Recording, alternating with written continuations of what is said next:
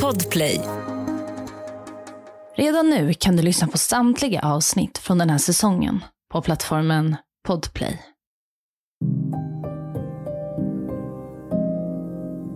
–15 juli 1997. Miami Beach, Florida. Det är en tidig morgon och solen reser sig sakta över horisonten. Efter en lång och livfull natt väcks South Beach till liv igen. Ur en av områdets pampiga villor är den modemedvetna Gianni på väg ut för att köpa morgontidningen.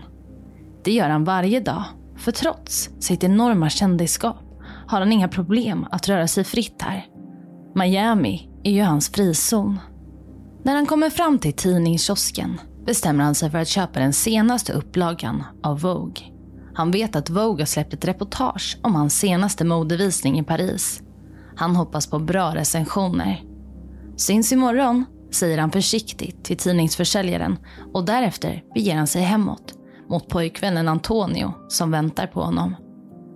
Det här är berättelsen om Andrew Cunanan som tog livet av totalt fem personer under en tre månaders period. Hans sista offer var Gianni Versace, en världsberömd modedesigner. Du lyssnar på Jakten på mördaren med mig, Saga Springhorn. Dagens avsnitt är skrivet av Lisa Törnlöf. Jag vill varna för grova och ingående våldsskildringar.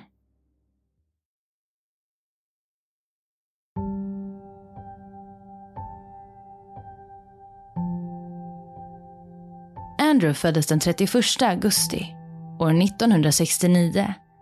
Han bodde tillsammans med sin familj i ett socialt utsatt område i San Diego, Kalifornien. I det stora hela var hans familj inte speciellt välbärgad. Men i samband med bortgången av hans morföräldrar fick familjen ett arv som gjorde det möjligt för dem att flytta till ett lugnare bostadsområde.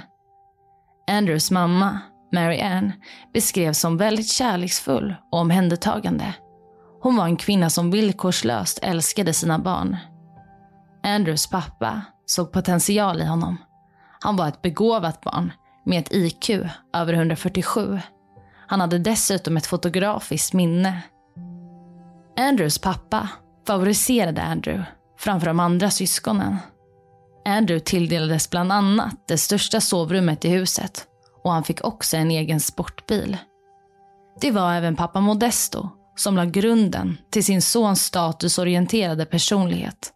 Det var viktigt att skaffa sig rätt kontakter och ännu bättre var det om de var rika och generösa. För det skulle man kunna utnyttja till sin fördel. I september 1981 började Andrew studera på ett prestigefyllt college, vilket var något hans föräldrar kämpat för under hela hans uppväxt. De ville att Andrew skulle få ett bättre liv än vad de haft och då var ett prestigefyllt college bra. Enligt Andrews klasskamrater var det svårt att få ett grepp om vem han egentligen var. Han ljög ofta för att framstå som en rik person. Bland annat påstod han att han kom från en kunglig familj i Filippinerna, vilket var något som absolut inte stämde. Av sina närmsta beskrevs Andrew som en snygg och karismatisk kille. Han var duktig på att skärma folk. En del menade däremot att han nästintill hade psykotiska tendenser och var extremt manipulativ. Det var även under sina år på college som Andrew blev mer öppen med sin sexualitet.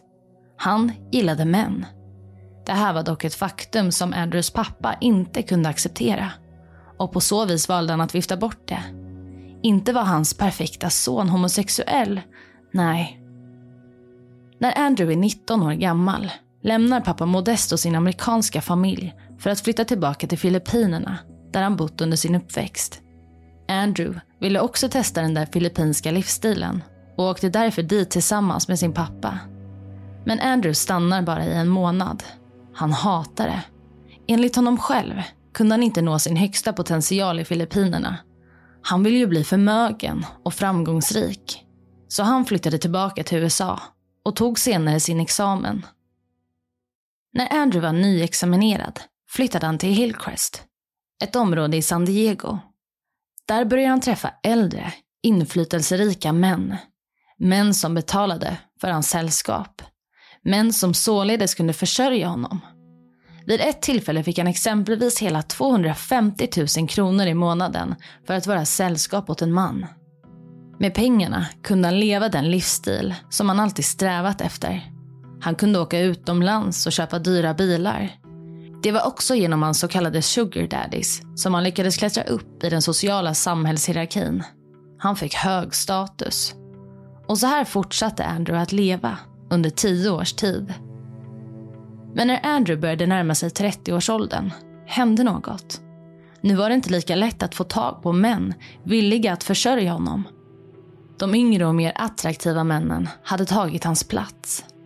Att det numera var ett faktum att han varken kunde ta nytta av sitt utseende eller personlighet för att få det han ville förstörde honom. Från att vara en självsäker och charmerande ung man började han bli osäker och isolerade sig. Nu förstod också Andrew att alla de där männen han träffat endast varit ytliga bekantskaper. Ingen brydde sig om honom på riktigt. Han var ensam. Ja, hörni, nu har vi alltså kommit till en vändpunkt i Andrews liv. Nu när han inte är lika eftertraktad på marknaden så börjar han att förändras. Han har varken status eller pengar längre och det har ju varit hans ständiga strävan. Och det är nu som Andrew kommer att vidta drastiska åtgärder. För i hans huvud är det ju inte hans fel att det har blivit så här, utan det är alla andras fel. Andrew ska hämnas alla som har svikit honom. Vi går vidare. Jeffrey Trill hade varit en nära vän till Andrew en gång i tiden när de båda bodde i San Diego.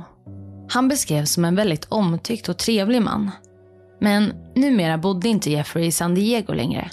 Utan istället befann han sig i staden Minneapolis i Minnesota. Hit hade också Andrews expojkvän flyttat. Hans enda stora kärlek i livet, arkitekten David Madsen. Att både Jeffrey och David lämnat Andrew ensam, kvar i San Diego, såg han som ett svek. Speciellt nu när han mådde så dåligt och kände sig så ensam. Att de var lyckliga där borta, utan honom, gjorde honom vansinnig. Därför bestämde han sig för att åka dit och konfrontera dem. Men innan Andrew begav sig anordnade han en liten avskedsfest med ett par vänner. Andrew som vanligtvis tog mycket plats verkade nu nedstämd under middagen. Han var inte sig själv. Han förklarade för sina vänner att han skulle flytta till Minnesota för att starta ett nytt liv. Han var trött på San Diego och ville ta upp kontakten med sina gamla vänner. Den 27 april 1997, Minnesota. För ett par dagar sedan hade David plockat upp sin gamla vän Andrew på flygplatsen. En gång i tiden hade de två männen varit ett par, men nu var de som främlingar. Men av artighetsskäl hade David erbjudit Andrew att sova över. Davids telefon ringer. Han är på arbetet och har lämnat Andrew ensam i lägenheten. Till en början ignorerar han samtalen från honom. Han är inte intresserad av att småprata och måste fokusera på sitt arbete. Men telefonen slutar inte att ringa och David tvingas därför att svara. Han beordras nu att komma hem så snabbt som han bara kan. Det har tydligen hänt något. Nu är David irriterad. Inte nog med att Andrew beter sig konstigt, utan nu ska han också få honom att se dålig ut på arbetet. David funderar. Ska han verkligen åka hem? Eller ska han först avsluta arbetsdagen? Efter en kort stund har han bestämt sig. Han beslutar sig för att åka hem. Färdigställandet av ritningarna får vänta till någon annan dag. Han kliver in i lägenheten och möts av en makaber syn. Golvet, väggarna och taken är nedstänkta av blod. Och när han väl kommer in i vardagsrummet börjar han förstå vad som har hänt. För i hans matta verkar någon ligga inlindad. Det är Jeffrey. Andrew hade dödat Jeffrey. Jeffrey var Andrews före detta bästa vän. Mordvapnet var en hammare som han slog Jeffrey med totalt 27 gånger. Därefter rullade han in kroppen i en matta och puttade in den under soffan. Men vad hände då när David kom hem? Ja, exakt vad som hände, det vet man faktiskt inte. Men förmodligen hölls han som gisslan i sin egna lägenhet. Efter två dagar lämnar David och Andrew lägenheten. Andrew behöver fly och ta med sig David. Tillsammans åker de från Minnesota sittandes i Davids bil. Det var runt den här tidpunkten som fastighetsskötaren började få oroande samtal från Davids arbetskollegor. Han hade nämligen inte dykt upp på arbetet på flera dagar. Så nu tog fastighetsskötaren saken i egna händer. Hon låser upp Davids lägenhet och ser den makabra mordplatsen. Blodet och Jeffreys döda kropp inlindad i en matta. Polisen tillkallas. Den 2 maj i Rush City, Minnesota, hela nio mil från Minneapolis, ringer två fiskare till polisen. De har gjort en upptäckt. En död kropp ligger intill strandkanten. När polisen anlände identifierades den döda mannen som David Madsen. Men vad hade då David råkat ut för? Jo, tekniker på platsen kunde konstatera att David förmodligen varit vid liv när kroppen hamnat i sjön. Han hade blivit skjuten i ryggen och i huvudet.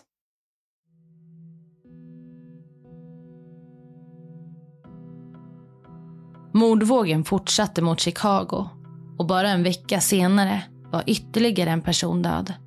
Den här gången 72-årige mångmiljonären Lee Miglin. Andrew hade bundit fast Lee och torterat honom till döds. Den här gången verkade det som att Andrew hade njutit av att se sitt offer dö under en makaber tortyr. Många spekulerade i om Andrew och Lee hade haft ett romantiskt förflutet. Kanske var Lee en av Andrews före detta sugar daddies. Det här är däremot något som Lees familj motsätter sig. Efter det sadistiska mordet på Lee blandas FBI in. Nu kunde man konstatera att en brutal seriemördare gick lös. Men vad hände sen? Jo, i all hast flyr Andrew från mordplatsen i sitt offers bil. Han förstod att det här skulle göra det lätt för FBI att spåra honom. Därför behövde Andrew få tag i en ny bil så snabbt som möjligt. I sitt sökande efter en ny bil tog han sig till en avskild liten stad som kallas Finns Point i delstaten Delaware. Väl på plats hittade han sitt nästa offer. William Ressie som beskrivs som en snäll och lojal man. En person som alltid ställde upp för sin omgivning. Andrew var ju som sagt ute efter en bil, så han knackade på hos William. Han frågade efter ett glas vatten och William bjöd in Andrew i sitt hem. En stund senare blev William skjuten i sin källare. Såklart var det Andrew som låg bakom den attacken. Därefter stjäl han Williams röda pickup och åker vidare. Den 12 maj kom Andrew till Miami, Florida. Och FBI hade fortfarande inte lyckats få tag på honom. Här började han leva ett relativt normalt liv. Och han verkade inte bry sig det minsta om att polisen var efter honom. Han går ut på fester, han äter på restaurang och strosar runt i shoppingcentrum. Men i och med att han numera var efterlyst i hela USA och att hans ansikte visades upp på nyheterna var det faktiskt en del människor som rapporterade att de sett just Andrew. Bland annat tillkallades polisen till en snabbmatskedja där Andrew hade ätit. Men när polisen kom till platsen var han borta. Vid ett annat tillfälle rapporterade en ägare till en pantbank att Andrew lämnat in en ring i utbyte mot kontanter. Det här var däremot en anmälan som polisen verkade strunta i. De kunde nämligen inte tänka sig att Andrew tagit sig hela vägen från västkusten till östkusten. Han var ju efterlyst. Hur hade det kunnat gå till? Eftersom att polisen inte verkade uppmärksamma Andrews vistelse i Miami kunde han fortsätta med sin nya vardag. Och det skulle ta hela två månader innan polisen faktiskt började söka efter honom i just Miami. Och då skulle det vara för sent. För då skulle ytterligare en oskyldig man falla offer för Andrews våld.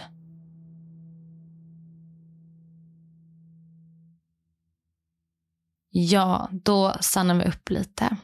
Vi börjar närma oss slutet i det här fallet. Och Andrew har totalt nu dödat fyra personer och hans femte offer skulle komma att bli Gianni Versace. Men vem var då denna man? Jo, han var alltså en världsberömd modedesigner. Mest känd för sin färgstarka och livfulla design. Han klädde allt från supermodeller till kändisar och kungligheter. Totalt hade han 130 exklusiva butiker runt om i världen och hans märke Versace var på den här tiden värderat till 807 miljoner dollar, vilket motsvarar ungefär 7,6 miljarder svenska kronor. Gianni var alltså en väldigt känd profil och hans död skulle verkligen sätta fart på sökandet efter Andrew. Vi går vidare. Den 23 juli befann sig Andrew i South Beach, en del av Miami, Florida. Meckat för designers. Och nu hade han hittat sitt femte offer, Gianni. Gianni är på väg hem från The News Café där han köpt tidningar. Andrew förföljer honom med en pistol i handen. Utanför Giannis medelhavsinspirerade villa sköt Andrew honom två gånger i huvudet. Enligt vittnen sprang Andrew snabbt därifrån och Gianni föll till marken. Blodet sprutade. Antonio sprang ut ur villan och till trappen där hans livlösa partner låg. Gianni dog, 50 år gammal. På bara några minuter var polis och ambulans på plats. Men Andrew var spårlöst försvunnen. Han hade flytt. Men i och med mordet på Gianni blir hela världen varse om Andrew. Nu drog en stor polisutredning igång och i sökandet efter Andrew hittade polisen Williams stulna pickup vilket kopplade honom till ytterligare ett mord. Intill bilen hittade de också Andrews kläder men mördaren själv syntes inte till. Nu var det som att hela Miami stannade upp. Överallt letade både polis och civila efter mannen som tagit livet av Gianni. Och ingen visste varför Andrew hade dödat den kände designern. Åtta dagar passerar och polisen har inget att gå på. Andrew var spårlöst försvunnen. Men plötsligt får polisen ett tips. En badvakt hade nämligen fått syn på Andrew på stranden. Badvakten hade visserligen inte förstått att mannen på stranden, som han tidigare sett, var den efterlyste mördaren, Andrew. Det kom han på först när han kommit hem. Andrew hade vid den här tidpunkten förändrat sitt utseende. Han hade rakat av sig håret. Och det här var ytterligare en av anledningarna till att det var svårt att få tag på Andrew. Han var duktig på att förändra sitt utseende och likt en kameleont smälte han in i bakgrunden 23 juli, Ocean Drive, Miami. Polisen är efter Andrew och han kan inte stanna mycket längre i Miami. Alla vet hur han ser ut och det är svårt att kamouflera sig. Båthuset som han brutit sig in i har fungerat som ett temporärt gömställe. Men nu måste han ta sitt pick och pack och fly. TVn står på och rapporterar om de senaste nyheterna. Det förfalskade passet ligger redo i väntan på flykten Andrew är ovetandes om vad som snart ska hända. Vaktmästaren i området hade ringt till polisen och berättat om en suspekt man som boat in sig i båthuset. Plötsligt ljuder sirener och polisen stannar utanför det lilla båthuset. Polisen ropar efter Andrew. De beordrar honom att kliva ut ur huset. Men Andrew vägrar. Man kastar nu in tårgas i båthuset för att Andrew ska kliva ut. Men ut kommer han inte. Och när polisen slutligen tar sig in i båthuset hittar man Andrew avliden. Han hade skjutit sig själv i huvudet. Andrew hade begått självmord. En del menade att det här var Andrews plan redan från första början. Han skulle först ta ut sin hämnd på de människor som svikit honom för att sedan ta sitt egna liv. Men Det här förklarade inte det förfalskade passet som polisen hittade i båthuset. Så med största sannolikhet planerade Andrew att fly landet. Invånarna i Miami tog gladeliget emot beskedet om att Andrew gått bort. Men det fanns fortfarande en person som såg upp för honom. Hans egna pappa. Han förnekade att hans son var en mördare. Hans perfekta son skulle aldrig döda någon. Utan det var FBI och maffian som konspirerade och satte dit hans oskyldiga son. Pappa Modesto ville göra en film. En film där någon porträtterade Andrew och visade hans historia av berättelsen. Modesto skulle däremot aldrig lyckas få ett filmkontrakt. Andrews mamma uttalade sig aldrig om händelserna.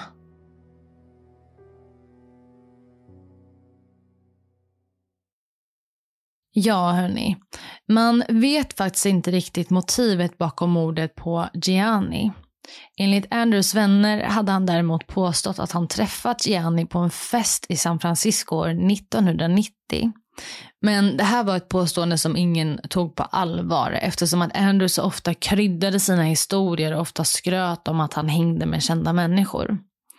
Det man vet är att Andrew hade sett Gianni som en förebild. En rik, berömd, stolt gay-superstjärna. Gianni hade allt som Andrew inte hade. Och det var allt för dagens avsnitt. Vill du komma i kontakt med mig, kanske tips om ett fall eller liknande, så kan du skriva till mig på Instagram där jag heter Saga Springkorn eller mejla till jakten på mordaren springkorn.se. Tack för att du har lyssnat.